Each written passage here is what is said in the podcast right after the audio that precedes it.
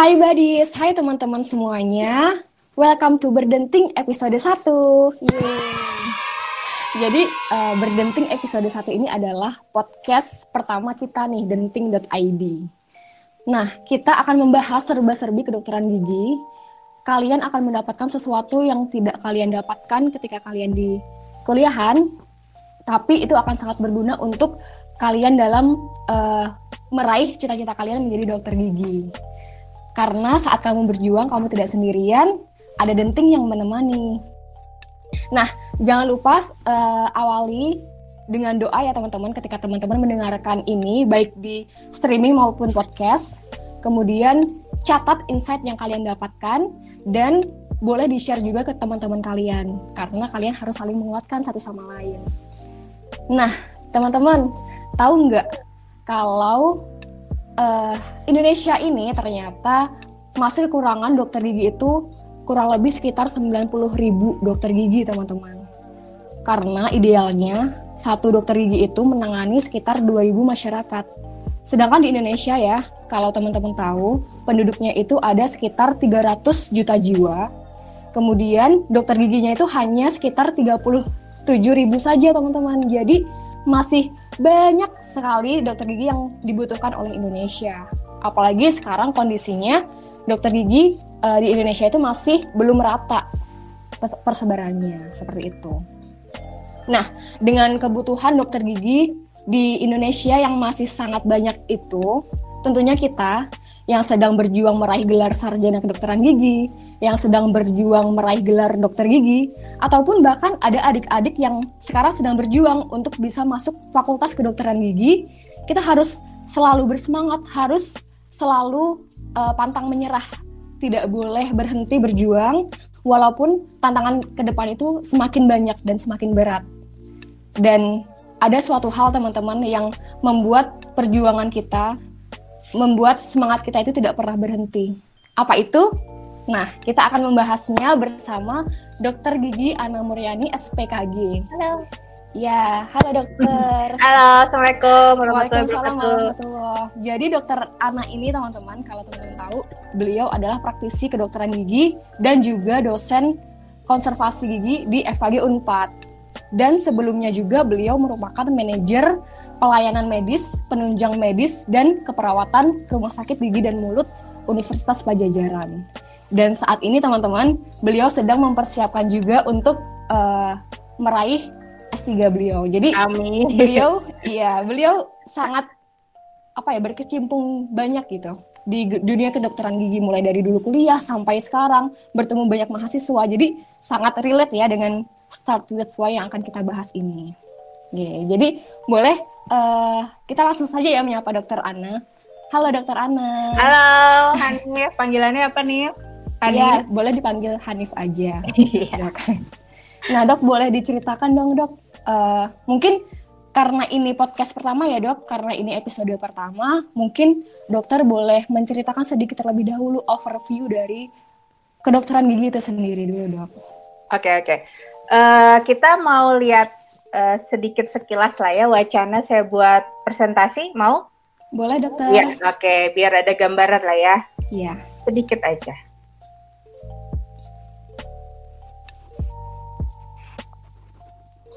Oke, okay, kelihatan? Ya. Uh, saya mulai dari judul ya, judul dari hari ini itu kan Stratuit Y. Memang benar. Betul kalau kita mau melakukan sesuatu, kita harus mulai dari niat, betul ya? Jadi kalau niat uh, biasanya dimulai kenapa saya harus melakukan niat itu ya? Kecuali soal agama mungkin kita tidak bisa memperdebatkan, tapi kalau soal ini kita iya. masih bisa, betul ya? Nah kalau pernyataan why, mungkin kalian sudah pada tahu ini gambaran dari panitia juga karena hasil akhirnya adalah ingin tujuannya apa? Betul ya, tujuan akhir dari yang kalian capai dari level 4 ini apa gitu ya. Karena pertamanya hmm. kalau saya lihat saya saya tuh 97 masuk Unpad itu bukan perkara mudah karena requirement saya cukup banyak. E, prosto saja saya 7 requirement. Mahasiswa sekarang tidak 7, sekarang masih 4 kalau nggak salah. Itu uh, luar biasa jadi masih banyak. Jadi kalau untuk level survive setiap generasi akan berbeda-beda. Mungkin yang sebelumnya akan lebih banyak lagi gitu ya. Nah, untuk sampai ke tujuan kita harus berpikir kenapa akhirnya kita perlu menentukan bahwa saya mau jadi apa. Kalau di sini kan kita berpikirnya kenapa kita harus milih dokter gigi gitu ya. Nah, kita lihat dulu skop dari dokter gigi. Kalau dokter gigi sendiri kalau saya SPKG ya. Saya uh, alhamdulillah sudah ambil konsultan. Uh, saya bagian endodontik ya. Ada juga bedah mulut. Kalau endodontik ini masuk spesialis konservasi gigi. Biasanya nambal bagus atau mutihin gigi gitu ya. Itu bagian konservasi gigi merawat saluran akar. Kalau bedah mulut bedah mulut pasti uh, hubungannya sama cabut, bedah gitu ya udah udah jelas lah. Oral maxillofacial sama oral surgery itu sama. Tapi kalau oral dan maxillofacial patologi itu hubungannya sama uh, patologi anatomi biasanya. Kalau itu hubungannya sama spesimen. Ada juga orto itu bagian kawat, ortodontik. Ada juga pedodontik. Pedodontik spesialisnya lebih ke anak. Kalau periodontik itu hubungannya sama gusi, gusi dari gigi. Kalau prostodontik hubungannya sama gigi tiruan. Kalau lihat dari sejarahnya, kalau saya lihat dari beberapa uh, sumber, ini saya ambil dari sumber yang ada sumbernya di sana. Ini udah lama banget ya, jadi dari 7000 BC uh, ini sudah ada dan sudah ada buktinya bagaimana uh, dari mulai restorasi aja ada yang emas gitu ya, ada splinting, ada ngebor memakai alat-alat yang tidak kita bayangkan. Pokoknya mereka berupaya untuk menjaga kesehatan gigi dan mulutnya. Seperti ini gambarannya. Ini saya ambil dari jurnal. Luar biasa gitu. Jadi sebenarnya kesehatan gigi sendiri sudah disadari oleh uh, manusia itu sudah sangat lama ya 7000 BC berarti udah cukup peradaban uh, mencari bagaimana akhirnya sampai ke future sekarang gitu ya. Semakin lama gigi uh, semakin membutuhkan estetik, tapi juga membutuhkan fungsi, membutuhkan kenyamanan. Kalau cabut jangan sakit gitu. Bayangkan gambar ini. Kalau saya cukup mengerikan ya melihat gambar ini sejarahnya uh, bagaimana orang berusaha menjaga kesehatan gigi mulutnya dengan alat yang ada pada saat itu gitu. Jadi Berarti perkembangannya sampai kalau kalian lihat gambar saya ini sampai ke mikroskop ya, itu udah luar biasa karena dulu tidak terbayangkan seperti pada figur 4 ini dental chair-nya belum ada, betul ya. Dental chair-nya belum ada, uh, mencabut gigi masih seperti itu. Itu luar biasa. Nah, kenapa kembali? Ini saya terharu sih waktu saya dikasih tor ini bagus banget ya. Uh, ini berarti panitianya menyiapkan. Iya, memang manusia itu harus punya alasan dia ada dan melakukan sesuatu itu benar banget. Ini uh, penemuan hidup saya di umur saya kepala 4. 13 Juni kemarin saya ulang tahun. Itu betul. Karena uh, pada saat kalian mungkin sekarang hanya berpikir saya kenapa harus meneruskan koas, kenapa saya harus masuk dokter gigi. Kalau saya tidak, saya melakukan amalan daripada ilmu saya sekarang itu tujuannya apa? Gitu ya, udah idealis saya yang dipertaruhkan. Itu sama sampai umur kalian berapapun, kalian harus bertanya, saya melakukan ini untuk untuk a good reason atau a real reason tuh betul banget.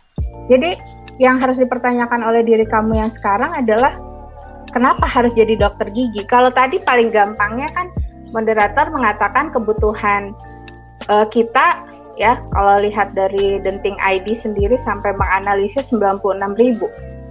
Dokter gigi masih dibutuhkan.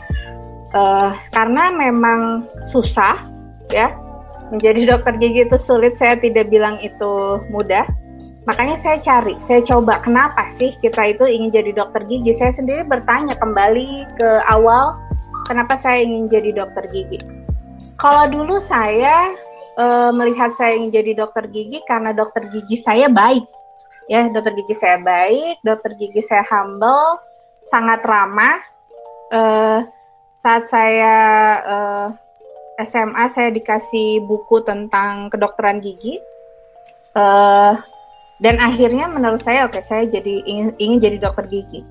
Nah kalau kembali ke orang-orang ya menurut kuesioner yang beredar nih kenapa sih harus jadi dokter gigi nih menurut jurnal nih? Tahun 2017 lo baru. Katanya ada yang karena dia ingin menolong ses menolong seseorang. Ya jadi menolong manusia. Oh itu itu benar banget. Ada juga yang dia uh, kayak saya saya termasuk orang yang senang kalau udah bikin misalnya nih ya perawatan saluran akal atau canal treatment. Hasilnya tuh bagus tuh kayaknya ada kepuasan sendiri. Itu udah hubungannya sama passion gitu ya. Ah senang banget emang passion saya di sini gitu di endo dan di restorasi lah anggap. Terus ada juga yang misalnya uh, senang bergaul dengan uh, hubungannya dengan manusia. Jadi interpersonal skillnya baik.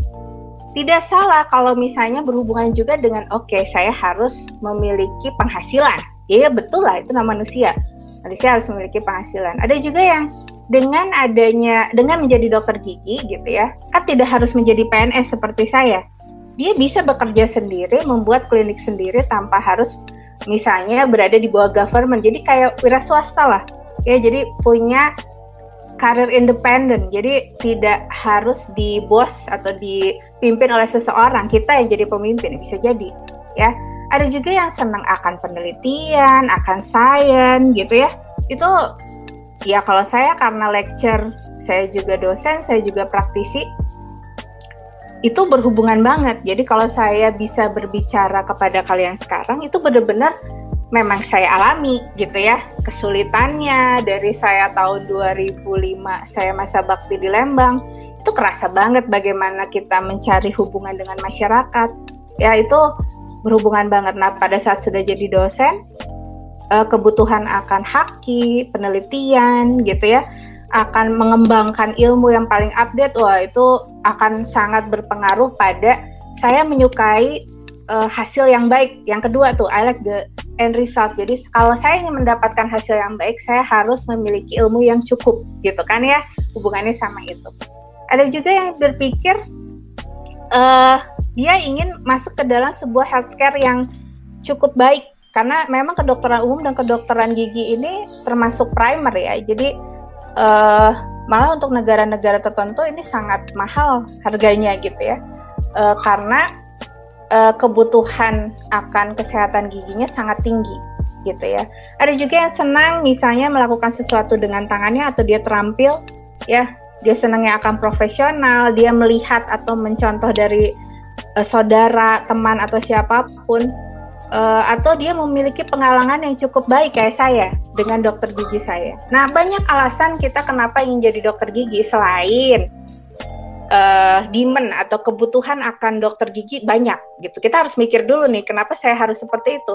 Karena untuk mencapai ini ya itu banyak banget yang harus dilalui dan ini akan mengesalkan untuk beberapa orang gitu. Harus butuh keinginan yang kuat struggling atau survive yang cukup tinggi secara fisik mental dan apa pun untuk terus bertahan.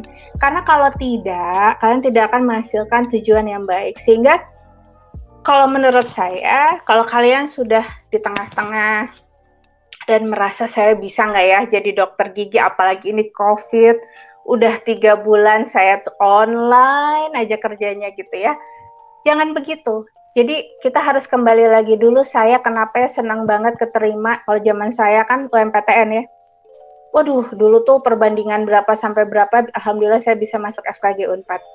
Zaman saya dulu krisis moneter luar biasa gitu. Jadi saya bisa masuk negeri itu alhamdulillah gitu ya, bisa sekolah dan bisa lulus itu tidak terbayangkan oleh saya. Jadi tingkat pencapaian kita dan syukur kita akan hal itu kembalikan lagi karena menurut saya Tuhan tidak suka orang yang tidak bersyukur. Nah, bagaimana cara pensyukurnya? Terima itu dulu, ya. Ini ada buku baik, ya. Karena gini, untuk orang-orang uh, yang akhirnya, gini ya, saya waktu koas um, termasuk yang uh, cukup, uh, kami semua membutuhkan kekuatan gitu ya untuk tidak menangis, betul ya. karena cukup sulit untuk di koas itu dan terus kita berdoa berikhtiar gitu alhamdulillah bisa lulus juga kok gitu nah ini ini salah satu buku yang cukup baik menurut saya uh, pertama adalah kita harus menerima diri kita sendiri. Banyak cara sebenarnya kalau udah ya selain kalau di agama saya saya sholat gitu ya. Banyak hal yang membuat kita akhirnya kembali lagi untuk bersemangat. Salah satunya berkata pada diri ya gitu ya. Ini buku kalau ada yang mau silahkan nanti saya kasih PDF-nya. Ini cukup banyak sebenarnya caranya. Ini sampai ada 50. Saya ambil gambaran-gambaran singkatnya. Yang pertama adalah kita harus introspeksi dulu. Terima dulu saya tuh swotnya apa, kekuatannya apa, kelemahannya saya apa, saya sudah sampai mana pencapaiannya. Kalau perlu ditulis, gitu ya, sampai mana dan saya tuh sebenarnya ingin apa. Kalau memang membutuhkan waktu tiga hari untuk melakukan itu tidak apa-apa. Terima dulu diri bahwa saya seperti ini, gitu ya. Kita terima kekurangan kita apa, kelebihan kita apa. Lalu sudah itu bersyukur saya masih dikasih nafas menurut saya masih dikasih uh, kalau saya bilang kalau untuk orang-orang yang masuk FKG dengan segala uh, tidak ada keterbatasan ya no limit gitu itu sebenarnya harus bersyukur sekali karena saya tahu alat dan bahan di kedokteran gigi cukup mahal gitu ya jadi dulu kami uh, berpikir untuk membeli alat mahal berpikir berapa kali tapi beda pada generasi sekarang kemungkinannya untuk membeli hal-hal itu uh, cukup memungkinkan gitu ya. Jadi yang pertama adalah kan bersyukur dulu. Sekarang bersyukur, oke okay, saya misalnya anggaplah kalian lagi stres atau menuju ke sana gitu ya. Uh, bersyukur dulu. Udah butuh waktu, kalian udah ngerasa oke okay, saya baik-baik aja. Kalian pikirkan sebenarnya yang membuat saya anggaplah uh, kalau mau kalau udah berada di tengah-tengah apa yang membuat saya malas apa yang membuat saya takut apa yang membuat saya tidak maju-maju itu pikirkan apa nah kalau sudah gitu kalau saya menyarankan kalian harus sharing dengan seseorang yang kalian percaya. Itu tidak bisa kalian pikirkan sendiri ya. Otomatis rasa takut atau rasa malas itu ada yang membantu. Jadi membuat sebuah support system yang baik. Kalau tidak membuat support system yang baik, support system itu tidak harus dia ada di situ ya. Jadi memberikan gambaran positif, memberikan kata-kata positif yang membuat kalian terus semakin baik semakin baik gitu ya. Jadi hindari yang negatif untuk uh, tentunya. Nah, kalau sudah sampai pada titik oke, okay, saya ada melakukan kesalahan, saya kan tidak tahu ya. Maafkan diri, tapi jangan melakukannya lagi gitu ya karena manusia tidak ada yang tidak pernah salah gitu ya. Jadi menuju uh, sesuatu yang luar biasa besar membutuhkan uh, usaha yang cukup besar secara fisik maupun mental gitu ya. Lalu kalian akan berkata di dalam hati dan kalian harus yakin bahwa oke okay, saya bisa melakukan ini gitu ya. Saya bisa melakukannya. Tidak harus melakukan hal besar dulu. Minimal oke okay, kalian membuat timeline hidup bener nggak timeline hidup atau timeline koas saya mau sampai mana? Tidak usah memaksakan saya harus begini tidak apa-apa mundur sedikit. Maafkan diri jangan terlalu perfeksionis juga nanti stres sendiri. Jadi penyesalan segala sesuatu itu dimaafkan. Itulah yang namanya menjadi dewasa ya. Nah kalau saya uh, lebih senang gini kita tuh hidup tidak harus sendiri kok. Kita bisa kita punya kesulitan sebenarnya dengan kita membantu orang lain atau mendengarkan orang lain itu bisa membantu hidup kita juga oke okay, saya tidak sendirian gitu. Bukan berarti kita uh, ingin kepo kehidupan orang lain tidak. Hanya makanya kan kalau beberapa orang yang misalnya lagi kena kesulitan ya misalnya kanker atau apa lupus itu punya komunitasnya.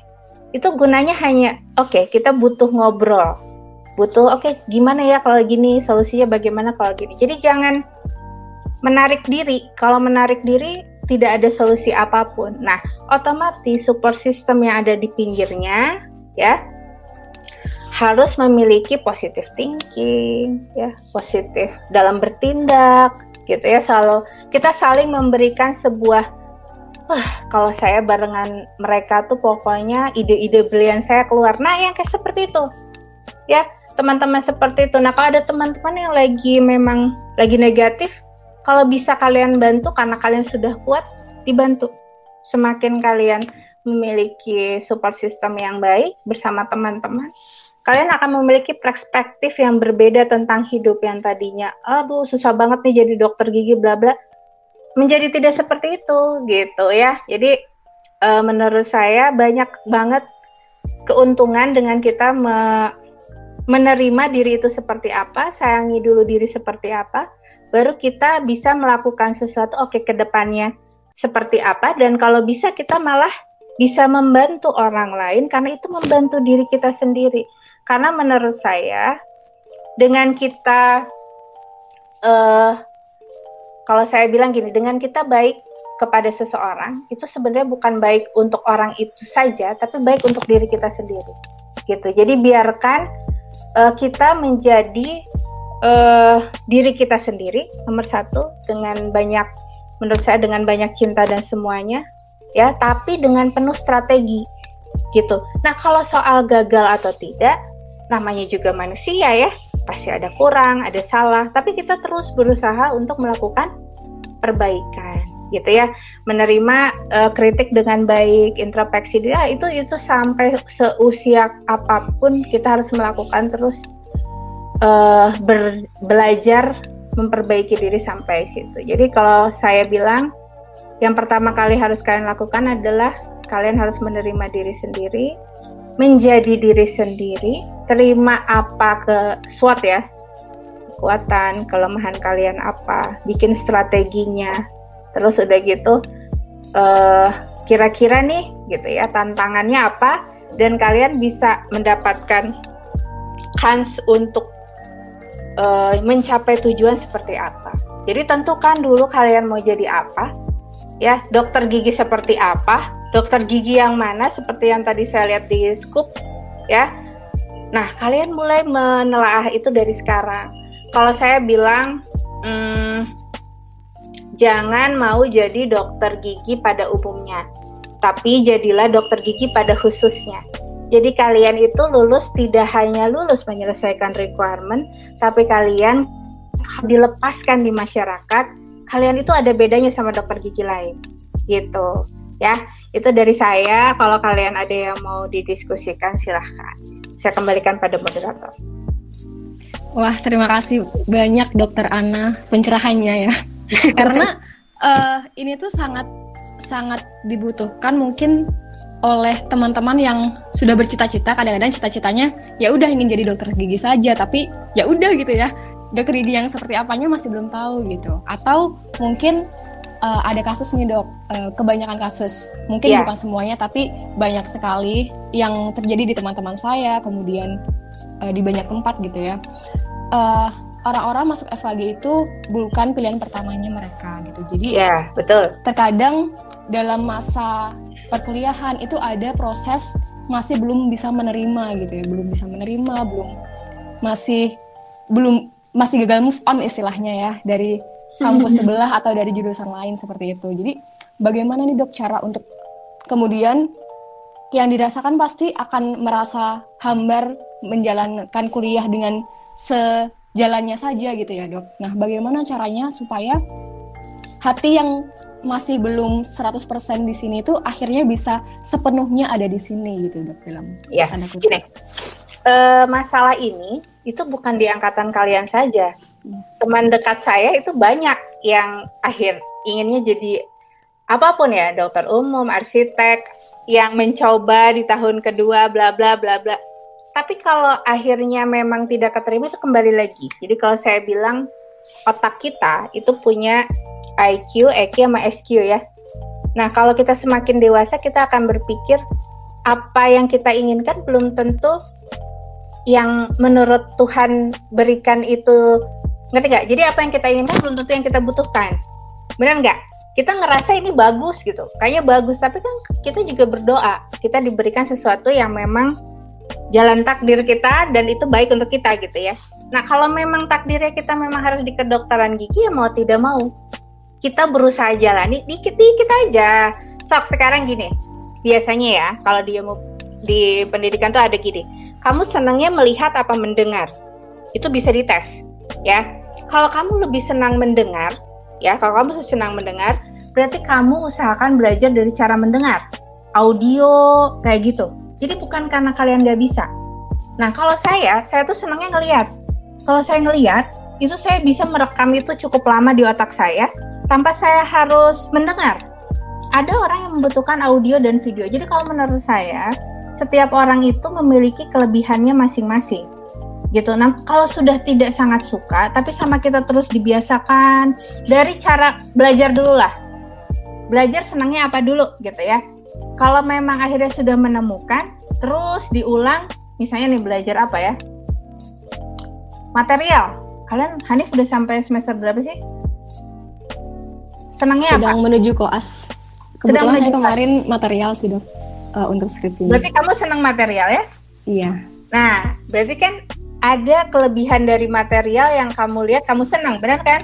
Betul. Nah itu itu otomatis harus kamu jalani dulu, tapi jangan berpikir ini ah, ini sudah tidak menyenangkan. Kalau di otak kamu sudah tidak menyenangkan, itu sampai sampai kapan pun itu nggak akan menyenangkan. Hmm. Itu sama kayak melihat mahasiswa kalau udah jelek pasti jelek aja. Nah itu tuh nggak boleh. gitu. Jadi kita harus istighfar kalau saya ya. Iya. ini mata kuliah menyenangkan, mata kuliah menyenangkan ya. Kalaupun akhirnya tidak menyenangkan minimal jangan sampai nilainya D, benar nggak? Betul, ya? betul, betul. Kamu percaya? Ada mata kuliah yang saya nggak bisa bilang ya karena ini secara umum. Mata kuliah yang saya tidak terlalu suka, tapi di mata kuliah itu saya outstanding. Nilai saya A, tapi sampai sekarang itu bukan pilihan saya untuk menjadi spesialis jadi saya melakukannya dengan menghafal saja, tapi hmm. tidak menyukainya. Tapi kalau konser, itu tuh kayak nggak usah saya hafalkan dengan sangat sok sama aja udah tak memang melitas di otak kita gitu. Nah itu tuh kalian mulai harus menyadari saat dosen menerangkan itu akan ada di, di hati kalian. Saya senang estetik nih, misalnya gitu ya. Saya senang uh, yang gusi-gusi nih dokter. Nah itu kan beda-beda tiap orang. Jadi yang pertama harus dilakukan adalah terima dulu. Saya memang harus masuk ke dokteran gigi. Kedua, cara belajar saya harus dipikirkan kayak gimana. Karena harus diterima. Benar nggak? Jangan salah ya, ada ada yang harus merubah dari tangan kiri nih menjadi tangan kanan loh dosen kita itu. Itu kan luar biasa effortnya, benar nggak? Kalau kalian tidak harus sampai sebesar effort itu, kan harus bersyukur tinggal knowledge-nya aja yang diperdalam benar nggak gitu Betul. lebih bersemangat lah hidupnya benar nggak nggak yeah. akan malah ya sekarang teman saya yang menurut dia salah jalan itu. Menurut saya malah sekarang paling sukses. Kita nggak tahu. Menurut Tuhan bagusnya dia memang di kedokteran gigi bukan di pilihan dia yang lain itu. Betul? Hmm. ya saran dari saya. Iya siap siap. Terima kasih dok. Nah terus gimana nih kalau dari pengalaman dokter ya dok? Mm-hmm. dalam pencarian purpose of life dalam pencarian tujuan hidup mungkin tadi dokter sempat bercerita bahwa awalnya dokter itu karena melihat dokter gigi dokter yang baik hati gitu ya yang yeah, betul. ingin menolong gitu tapi bagaimana ketika uh, eh, pengalaman dokter sendiri untuk dalam perjalanan hidup dokter menemukan akhirnya oh ini nih jalannya oh ini nih yang ketujuh. Nah itu mungkin okay. ada suatu titik baliknya atau seperti apa gitu. Kalau saya, uh, saya itu bisa sekolah dan lulus jadi dokter gigi itu luar biasa. Papa saya, saya masuk ke dokteran gigi pensiun. Uh, mama saya hanya tukang jahit gitu. Jadi kalau saya tidak sekolah dan tidak lulus, itu kayaknya hmm, saat itu bukan uh, pengembalian yang cukup baik gitu ya di hidup gitu kan. Jadi mau apa pun yang terjadi saya harus berusaha untuk uh, saya lulus gitu. Gitu. Cuman kebetulan memang saya menyukai organisasi dari dulu. Gitu. Jadi balance kalau saya gini, saya tuh kalau dikasih tantangan nih papa saya pernah bilang gini. Zaman SMA juga saya sama ya, organisasi terus bilang gini, "Kamu gimana mau masuk UMPTN kalau kamu nih organisasi terus. Wah, itu ditantang. Akhirnya apa yang saya lakukan, saya bikin mind mapping. Tiap hari saya ngapalin itu MPTN, buku MPTN. Alhamdulillah saya masuk FKG. Jadi malah semakin saya memiliki, kalau saya, saya memiliki uh, apa ya kegiatan lain, saya malah jadi tertantang untuk melakukan yang terbaik di sisi lain gitu. Nah, kalian kan beda-beda, benar nggak tujuannya? Nah, kalau saya dari dulu memang senang bermanfaat untuk orang lain karena saya merasa hidup saya tidak semuanya pahala ada dosanya. Jadi minimal kalau saya memiliki ilmu yang bermanfaat adalah yang membuat saya masuk surga gitu ya. Tuh ya. Uh, jadi banyak banget yang ada di hidup saya karena waktu saya PTT saja saya belum tahu loh saya jadi dosen apa enggak. Saya cuma jalani hidup saya masa bakti itu sebaik-baiknya. Saya ingin jadi dokter gigi super dentis waktu itu. Setelah tiga tahun kan saya baru jadi dosen. Jadi saat itu saya hanya melakukan yang terbaik saya jadi hidup menurut saya. Jadi all out lah dalam segala sesuatu. Jadi jangan biarkan uh, berpikir kalau bisa ya berpikir setengah-setengah. Jangan. Prosesnya harus dijalani. Jangan hanya menghasilkan, jangan mau hasil aja. Jangan seperti itu. Kalau hanya mau hasil saja, kita tuh nggak akan dapat achievement yang menurut saya ya, achievement yang akan terus gitu. Jadi dia akan hilang kalau instan.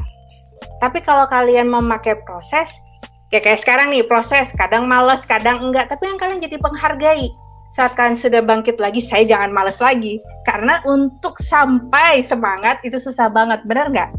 Gitu. Jadi kalau untuk purpose of life, kalian akan menemukan pertama gini, cobaan hidup, benar? Ya, itu dulu. Kadang kan ada cobaan, benar nggak dimarahin, nggak ada duit buat SPP, benar nggak? Kepaksa hidup tuh, ah saya ngejalanin kan, gitu ya. Uh, bingung, bentar ya, bingung mau untuk pasien, benar? Atau untuk makan. Itu saya ngalamin, ya. Jam 4 subuh saya harus ngetek dental chair bareng kakak adik adik kakak kakak kelas gitu.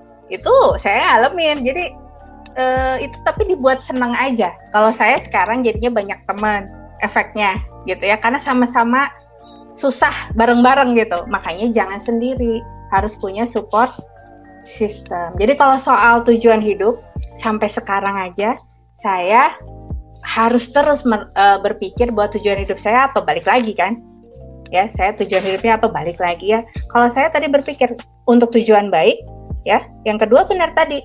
Atau memang kenyataannya harus kayak begini, tapi kalau saya sarankan saat kalian memang kenyataannya harus kayak begini, suatu saat kalian bilang, "Oke, okay, ini tujuannya akan baik." Ngerti gak?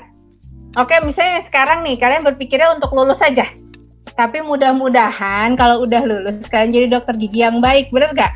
Iya, karena kan pendewasaan hidup makin ke sini akan semakin berkembang. Jadi nggak usah khawatir Hanif. Saya juga dulu ya nggak iya. dewasa ini kok. iya dok. Tapi juga saya kalau kembali ke masa lalu ya dok ya, ternyata yeah uh, dulu ketika sekolah cita-citanya jadi dokter gigi nih tapi ternyata setelah jadi dokter gigi itu ada cita-cita yang lebih besar lagi selain dokter gigi itu maksudnya ada cita-cita yang lebih spesifik setelah kita menjalani semuanya jadi memang ternyata setelah kita jalani itu cita-cita itu semakin datang sendiri dan semakin bisa menambah dewasa kita juga gitu. Begini, ya. uh, makanya kalian itu dikasih fase, kalian pernah KKN nanti? Pernah KKN nggak? KKN ya, sudah, saya sudah. jauh loh ke Garut itu dulu ya saya ingat kekian ke Garut saya merasa dokter gigi itu luar biasa sampai disuruh jadi juri apa guru apa kesannya tuh kita segala bisa itu tuh malah amanah besar yang menurut saya ya Allah ya Robi kami tuh nggak sebaik itu tidak se expert itu tapi kan jadi kayak ada beban moral karena masyarakat melihat kita seperti itu betul ya itu, betul, betul. adalah juga pembelajaran hidup benar nggak karena yeah. menjadi dokter gigi tadi kata saya karena independen dan di mata masyarakat itu profesi yang cukup menjanjikan. Mm. Dan akhirnya harus bersikap baik, bener gak? Ya itu, yeah. karena tuntutan, nggak mungkin. Uh, karena kita dicontoh lah, ibaratnya gitu, oh itu ibu dokter Hanif, nanti begitu kan. Itu aduh ke sana, nah kan bingung kalau misalnya Hanif yang nggak bisa dicontoh kan bingung juga gitu. Makanya makin ke sini kalian akan menemukan tujuannya gitu ya malah dengan menjadi dokter gigi ini membantu kalian membantu masyarakat malah menjadi lebih luas hmm. serius gitu ya jadi kalau soal kalian apalagi yang udah nyampe di tengah-tengah sini dan tidak berjuang sampai dokter gigi, ya Allah, kalian harus syukur ada di dalam situ ya. Karena orang di luar sana yang tidak mendapatkan kesempatan sekolah ingin banget berada di posisi kalian. Bener kan? Betul, betul, semangat. betul. Yeay, semangat dokter.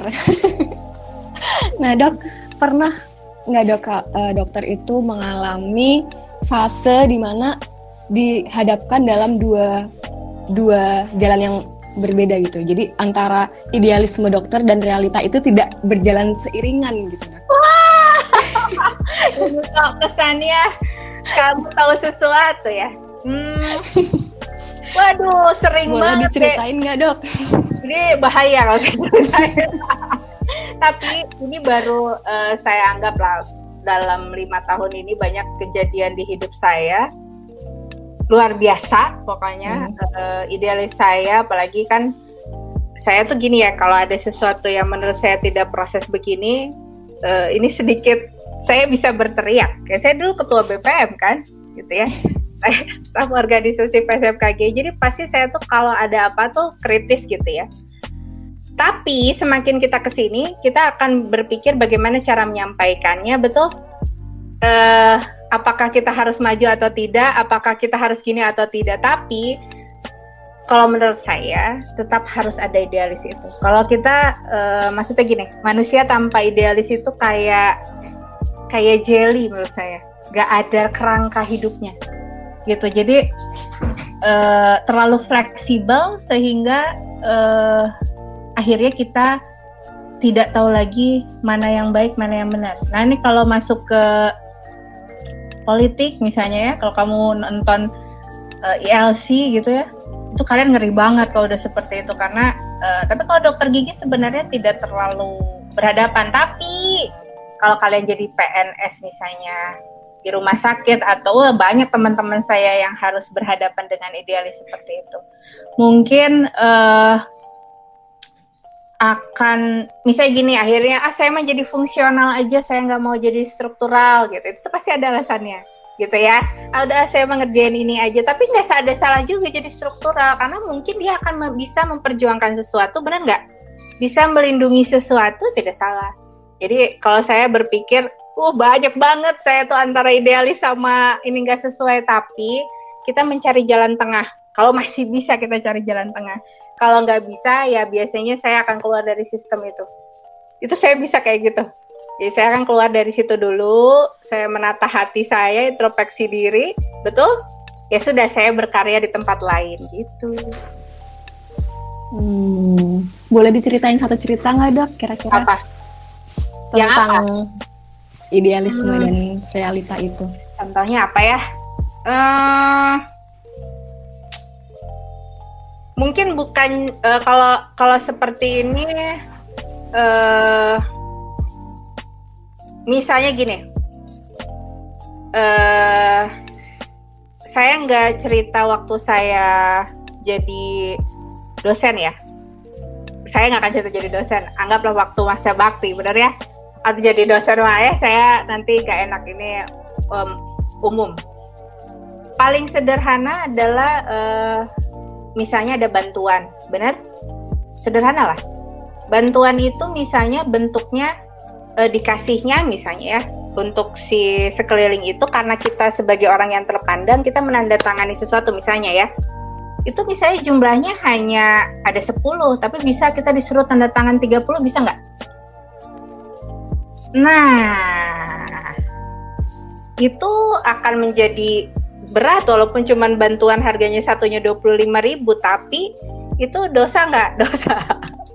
Benar ya? ya itu seperti itu sederhana dan itu di masyarakat paling kecil pun di tingkat RT atau RW pada zaman kapan pun itu akan selalu ada gitu karena makanya ada surga dan neraka menurut saya ya akhirnya bagaimana uh, kita melakukan pendekatan kepada orang yang um, ingin membuat misalnya manipulasi terhadap hal itu ya saya tidak mau menandatangani ini. Betul saya tanda tangan 10 aja ya gitu. Ya kalau dia mau cari orang lain dia mau tanda tangan silahkan aja. Tapi jangan kita gitu. Misalnya seperti itu benar nggak? Ya, saya tidak bisa cerita yang lain ya gitu. Siap dokter.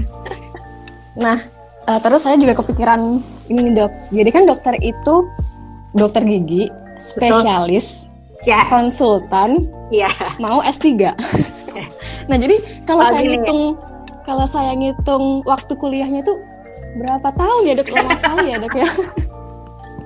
nah, boleh diceritakan nggak dok uh, kira-kira bagaimana dokter? Iya, ya, saya cerita.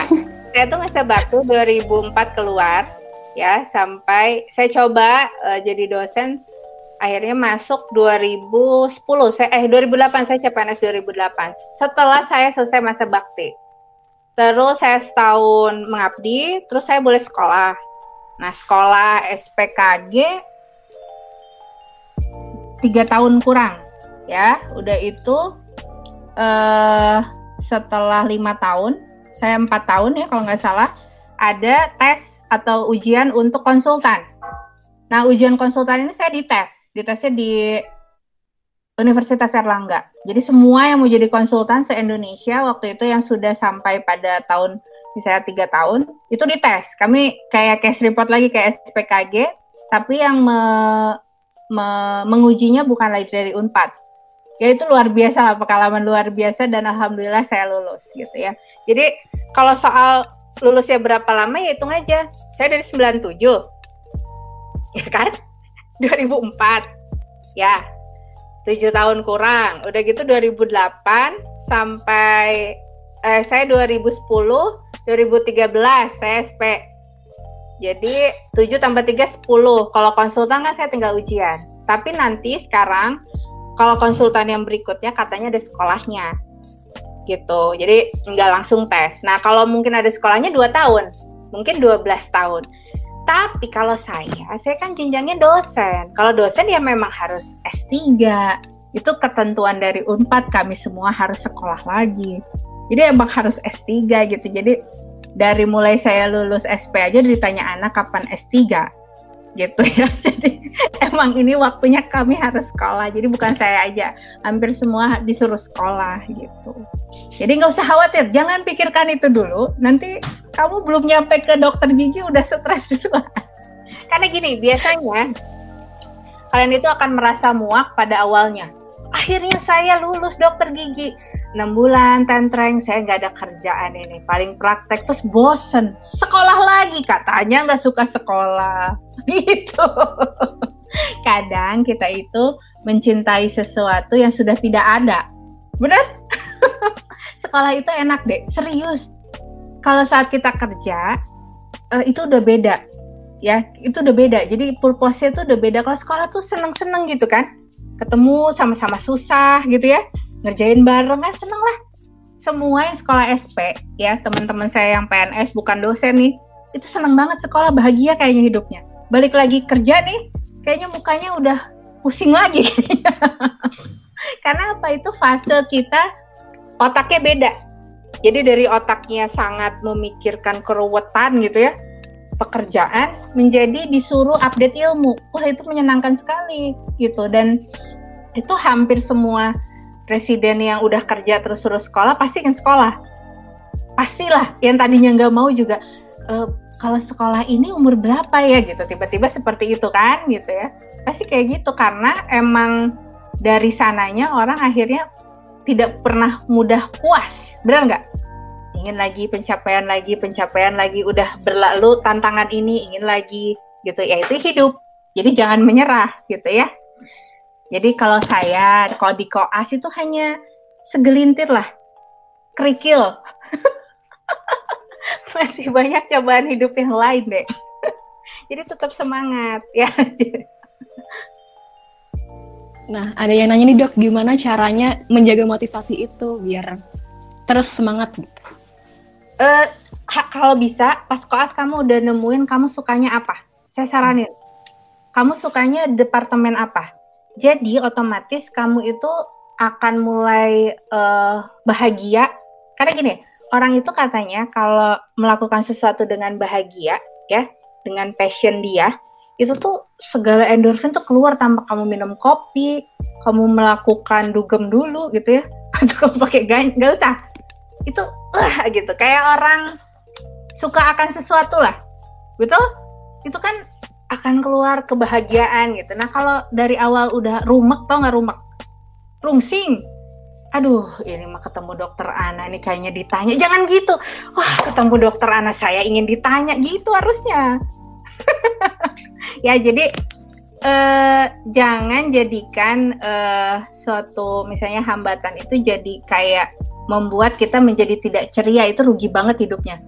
Ya udah mah nggak awet muda ya muka nanti jadi pusing gitu. Nah terus tujuan kita nggak tercapai. Dan semua yang koas juga pasti ngalamin itu betul nggak? Kecuali kamu doang. Kamu doang gitu yang hidupnya sengsara di FKG enggak kan? Semua sama gitu. Jadi terus maju aja. Nah menjaga motivasinya tadi. Kalau udah pusing nih ya root canal treatment tuh misalnya 30 menit pusing tutup aja. Jangan diacak-acak itu gigi yang ada perforasi ke mana-mana udah kasih tahu pasiennya. Kalian uh, lakukan sterilisasi yang penting pulang tidur berdoa. Besok saya mau mengerjakan endo dengan baik misalnya. Dah dengan bahagia. Baru kerjain karena apa? Kalau kondisinya tidak baik mengerjakan pasien nggak akan pernah benar. Gitu. Ya saya nggak tahu motivasi tiap orang. Ada yang cepat ingin nikah benar nggak? Ya boleh. Ingin ngebahagiain ibu bapaknya? Bisa. Hmm, ingin segera punya uang sendiri boleh. Apa pun yang bisa dijadikan tujuan hidup selama tidak negatif misalnya ya buat saya ingin membunuh orang itu itu tujuan tidak baik gitu. Jangan gitu. Tapi kalau tujuannya baik jadikan itu tujuan hidup. Banyak. Kok as juga ingin lulus karena saya ingin nikah itu ada. Ya nggak apa-apa asal dia cepat lulus nggak apa-apa. Ya lulus dengan benar nggak apa-apa lah. Gitu Hanif iya dok uh, Nah, tadi kondisinya ketika kita sudah apa ya, sudah tahu apa yang ingin dicapai gitu atau ketika kita sedang bersemangat gitu ya, Dok. Ya. Gimana kalau kita itu dalam fase ini udah mentok banget nih koas, pasiennya nggak ada, terus nggak punya uang untuk menjalankan koas seperti itu ya, Dok ya. Bagaimana kita caranya agar kita terus mengingat why kita, mengingat motivasi-motivasi kita ketika kita tuh berada di dalam kondisi yang sangat terpuruk. Hanif, itu gunanya kamu banyak temen. Hmm. Tahu, saya saya sampai sekarang berhubungan baik sama semua senior senior saya, saya hormat. Serius ini, saya baru teledentistry nih. Saya ketemu lagi sama Kang Teteh 95 gitu, saya kenal baik gitu. Itu tuh apa? Misalnya ya Teteh itu lagi pusing sama full-fullnya. Terus saya ngeliatin aja karena saya nggak punya pasien kan? Tapi itu jadi kayak aduh saya juga nggak sendiri ya. Besok saya ngerjain itu berarti harus lebih bersemangat. Jadi kamu harus punya support system. Jangan sendirian. Ya saya nggak tahu anak zaman sekarang itu bergaul sama kakak kelas atau adik kelas. Dan kalau dulu mah saya tuh banyakan gitu seru gitu. Bayangin ngetek jam 4 pagi subuh di musola. Jadi pasti di masjid itu kan kita ngobrol tata ini oh nah ini ada pasien ini dikasihlah pasien Misalnya dia mau ngerjain prosto, saya suruh nambal semua coba. Gimana bagiannya hidup? Dikasih pasien, nah, otomatis sikap interpersonal skill kita gitu ya sesama harus harus juga dipelihara, jangan hidup sendirian gitu ya. Jadi biar nggak stres gitu. Dan kalau orang ada yang mau ngebantu, jangan juga apa sih kamu tuh nanya-nanya, jangan gitu juga. Masih mending dia nanya berarti perhatian. Nah kadang nggak suka salah paham, bener nggak? maksudnya kan dia perhatian udah sampai mana dia bisa dibantu nggak gitu kan? Nah kadang suka salah paham kayak ditanya dosen. Eh Hanif udah sampai mana? Kayaknya nyepet gitu padahal bukan gitu kan? Maksudnya ayo apa yang bisa saya bantu? Ini kalian ini lucu. Oh iya terus satu lagi jangan takut sama dosen. Saya serius. Dosen itu sudah dididik pekerti ya pelatihan khusus untuk pendidikan. Kami memang di sebenarnya dilatih untuk melakukan apa ibaratnya kalau kalian memang membutuhkan kami kami akan senang untuk membantu kalian. Jadi jangan takut. Kalau kalian udah takut ngobrol sama saya misalnya gimana bisa kami bantu? Gitu. Ini mah cuman semua dosen itu penampakannya aja mengerikan. Sebenarnya mah ada hatinya juga manusia-manusia juga. Ya gitu. Ya nih betul dok betul ya Allah Iya dok. Nah ini sudah sudah cukup tercerahkan nih dok uh, kita kita yang mendengarkan di YouTube kita kita panitia dan nanti mungkin teman-teman yang mendengarkan di podcast juga ya dok ya. Nah kira-kira ada nggak nih dok uh, closing statement dari dokter pesan dokter untuk kita kita yang sedang berjuang meraih gelar dokter gigi kepada teman adik-adik juga yang ingin jadi dokter gigi. Ya, uh, saya juga prihatin soal COVID ini ya. Saya saya juga uh, banyak membantu mahasiswa sekarang uh, menghadapi ya COVID ini gitu. Jangan terlena dengan work from home, tidur. Satu, ya jangan tidur. Jadi kalau masih bisa dikejar, kalian tetap harus berusaha karena mungkin kalian fasenya berbeda dengan saya. Kalau kalian fasenya tidak bertatap muka dengan kami, tapi lewat online seperti ini, Ingat, tujuan kalian adalah ingin cepat lulus.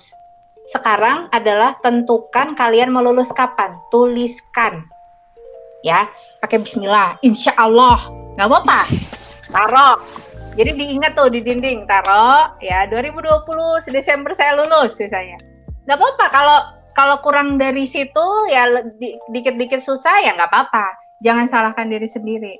Tapi harus tetap uh, berjuang sampai akhir ya jangan terus yang kedua lakukan sesuatu dengan sungguh-sungguh saya titip pesan karena kita tidak tahu kesempatan kita itu kapan dapatnya serius bisa gini sekarang saya biasa-biasa aja tapi karena kalian mengerjakan dengan sungguh-sungguh tiba-tiba kalian mendapatkan kesempatan yang tidak kalian duga. Ini serius saya sering mendapatkan itu. Karena saya mengerjakan itu dengan sungguh-sungguh terus dilihat kamu mau nggak melakukan ini? Kan kalian tidak tahu. Benar? Jadi yang pertama tentukan tujuan hidup kalian, kalian mau lulus kapan? Atau yang mau masuk dokter gigi, kalian mau do masuk dokter gigi mau kapan? Gitu. Kalau mau tahun ini berarti kalian harus belajar. Kalau yang sudah di tengah-tengah dokter gigi, tujukan kalian mau jadi sarjana kapan? Mau jadi dokter gigi kapan? Taruh di dinding. Ya, bismillah, insya Allah apa pun lah. Ya, kedua, kalau tujuan hidup kalian Bapak Ibu, taruhlah Bapak Ibu itu di situ ya kan kalau karena Allah Subhanahu wa taala lebih baik ya ibadah kan bener ya itu lebih baik kedua eh, lakukan sesuatu itu dengan sungguh-sungguh. Oh, tuh bener-bener. Lakukan yang terbaik yang kalian bisa. Itu harus terus di apa diasah. Jangan mau apa adanya. Atau ada apanya juga nggak boleh sih. Tapi maksudnya udah nggak harus pakai uang berlaku sungguh-sungguh teh. Bener nggak? Ya bisa dengan membaca bisa dengan membuat sesuatu lebih kreatif gitu kan ya. E, ketiga berdoa dan sungkem sama ibu bapak. Kalau menurut saya apa pun yang saya lakukan sekarang, saya selalu ngobrol sama mama saya minimal. Saya melakukan apa pun loh sampai presentasi di luar aja tanpa sadar saya kalau kalau nggak bilang suami saya, yang kedua ibu saya atau ibu saya suami saya. Gitu. Jadi lebih ada yang mendoakan Mudah-mudahan hidup kita lebih diberkahi dan sampai pada tujuan akhir gitu ya. Oke, itu aja Hanif. Amin. Oh ya, Amin. satu lagi dok, uh, ya. pesan dari dokter untuk teman-teman yang mungkin uh, melihat teman-teman satu seumurannya itu sudah sarjana, sudah punya penghasilan, tapi kita sekarang masih ada di sini nih, ada masih ya Allah, masih belum ngapa-ngapain. Lah saya dulu calon suami saya udah lulus. Ya cuek aja mau gimana lagi kan beda.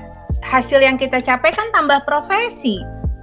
Ya kan? Kalau mereka harus nambah S2 kalau kita kan memang sekalian sekolahnya kan profesi itu kurang lebih sama sama S2 kan memang ya kan kalau di jenjang e, di luar lah dianggap seperti itu nambah berapa tahun ya beda dong hasilnya gitu jadi kalaupun yang lain misalnya udah kerja karena dia memang jenjangnya S1 belum ke S2 kalau kita ya memang karena harus ngambil profesi jadinya lebih lama. Jadi ditutup mata aja deh semua juga udah tahu kedokteran kedokteran gigi malah lama. Gak usah khawatir. Ya, gak usah khawatir.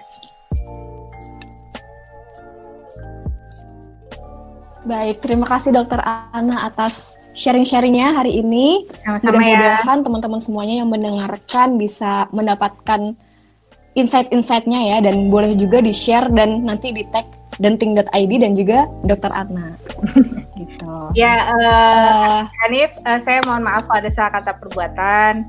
Uh, yeah. apa pun yang uh, saya sampaikan itu kan pengalaman hidup saya akan berbeda-beda tiap orang. Jadi kalaupun kalian ada yang mau di-sharing, kalian japri boleh. Kalau saya bisa bantu, saya bantu. Ya. Oke. Okay. Siap, dokter. Assalamualaikum nah, uh, bagi teman-teman, Waalaikumsalam warahmatullahi wabarakatuh. Baik, terima kasih teman-teman semuanya yang sudah bergabung tunggu ya, tunggu uh, sebentar lagi. Ini juga akan hadir di podcast.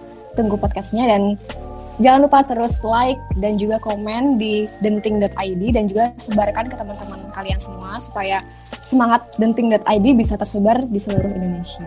Oh iya, iya. Terima kasih. Mohon maaf dari saya. Wassalamualaikum. Oh, iya, saya mau mengucapkan ini dulu. Uh, kalian luar biasa menurut saya. Kalian tuh kreatif banget. Saya salut loh anak zaman sekarang bikin ini Ya, tepuk tangan dulu buat kalian. Diteruskan. Yeay, terima kasih dokter. Sama-sama. Mohon doanya supaya bisa Ini terus semangat dalam membagikan insight-insight. Iya, terima kasih dokter dan teman-teman semuanya. See you next time. Ya, assalamualaikum. Waalaikumsalam warahmatullahi